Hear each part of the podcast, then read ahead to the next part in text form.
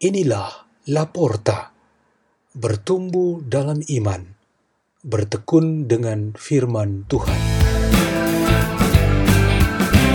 Dibawakan oleh Pak Sutri Petrus Duu dan Veronica Genua dari Gereja Santo Martinus, Paroki Roworeke, Keuskupan Agung Ende.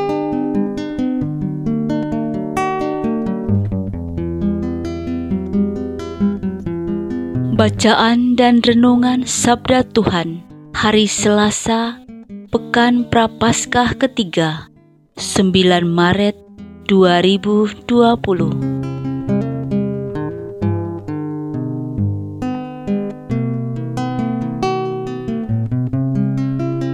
Inilah Injil Tuhan kita Yesus Kristus menurut Matius bab 18 ayat 21 sampai 35. Sekali peristiwa Petrus datang kepada Yesus dan berkata, "Tuhan, sampai berapa kalikah aku harus mengampuni saudaraku jika ia berbuat dosa terhadap aku?" sampai tujuh kali, Yesus berkata kepadanya, "Bukan, aku berkata kepadamu, bukan sampai tujuh kali, melainkan sampai tujuh puluh kali tujuh kali. Sebab hal kerajaan surga seumpama seorang raja yang hendak mengadakan perhitungan dengan hamba-hambanya."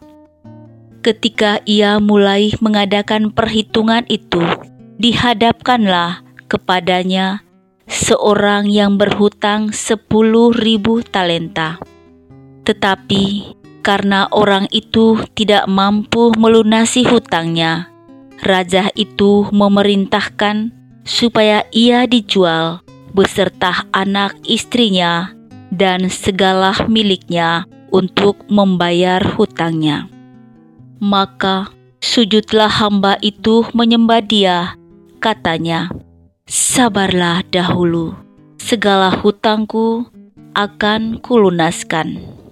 Lalu tergerak hatilah raja itu oleh belas kasihan akan hamba itu, sehingga ia membebaskannya dan menghapus hutangnya. Tetapi ketika hamba itu keluar, ia bertemu dengan seorang hamba lain yang berhutang seratus dinar kepadanya. Ia menangkap dan mencekik kawannya itu, katanya, "Bayarlah hutangmu." Maka sujudlah kawannya itu dan memohon kepadanya, "Sabarlah dahulu, hutangku itu akan kulunaskan." Tetapi ia menolak dan menyerahkan kawannya itu ke dalam penjara sampai dilunaskan segala hutang itu.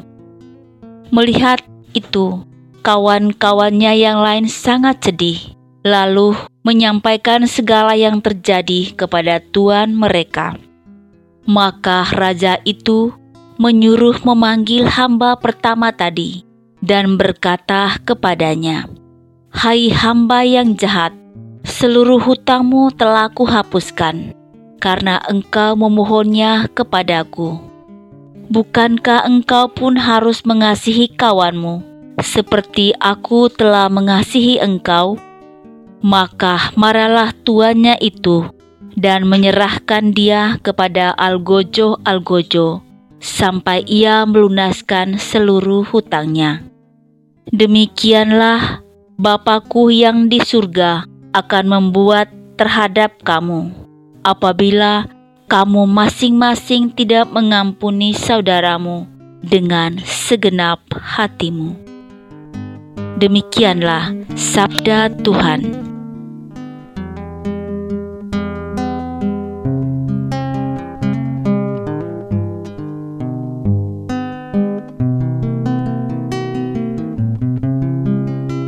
Tema renungan kita pada hari ini ialah syarat pengampunan.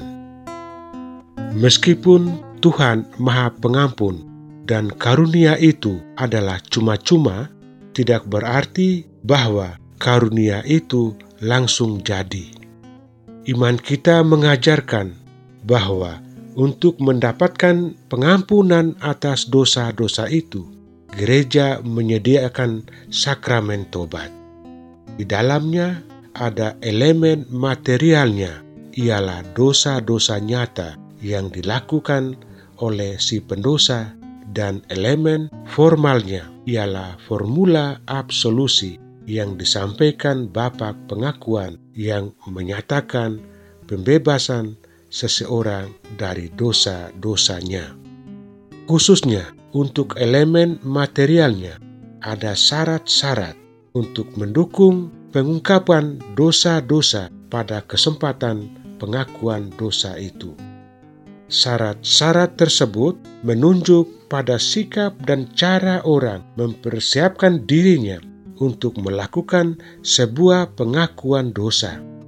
Syarat-syarat resmi gereja biasanya terkait dengan bimbingan atau pedoman untuk diikuti oleh umat yang mempersiapkan diri menerima sakramen ini.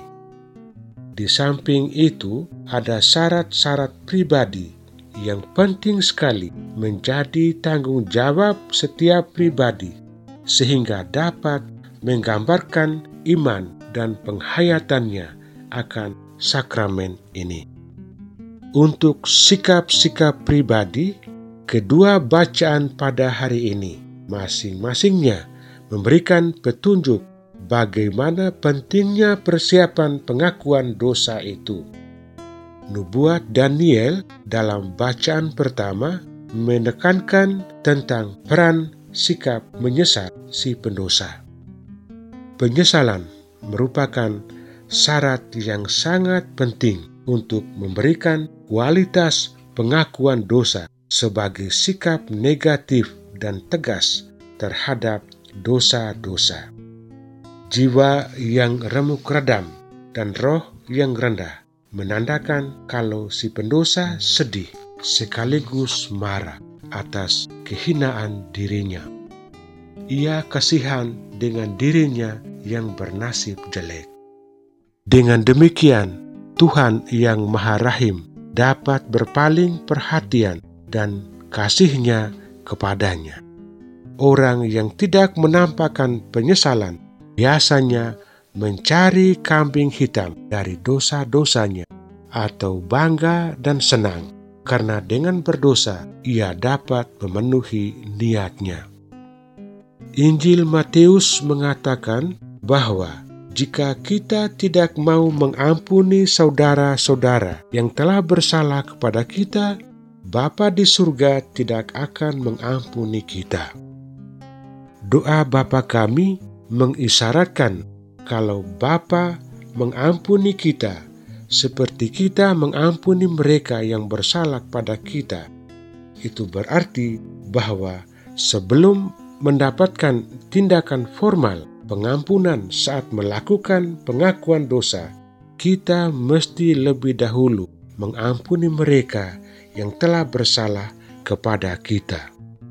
Oleh karena itu, selain menyampaikan elemen-elemen material, yaitu dosa-dosa nyata, si pendosa perlu jujur menyampaikan juga bahwa ia telah mengampuni orang-orang yang ia sebutkan di dalam pengakuannya.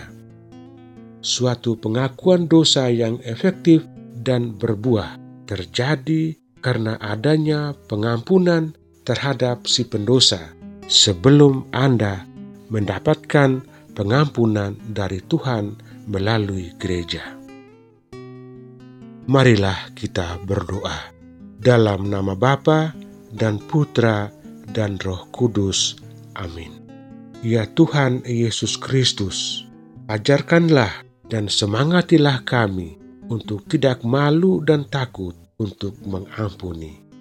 Bapa kami yang ada di surga, dimuliakanlah namamu, datanglah kerajaanmu, jadilah kehendakmu di atas bumi seperti di dalam surga. Berilah kami rejeki pada hari ini, dan ampunilah kesalahan kami, seperti kami pun mengampuni yang bersalah kepada kami. Dan janganlah masukkan kami ke dalam pencobaan, tetapi bebaskanlah kami dari yang jahat. Dalam nama Bapa dan Putra dan Roh Kudus. Amin. La porta, la porta.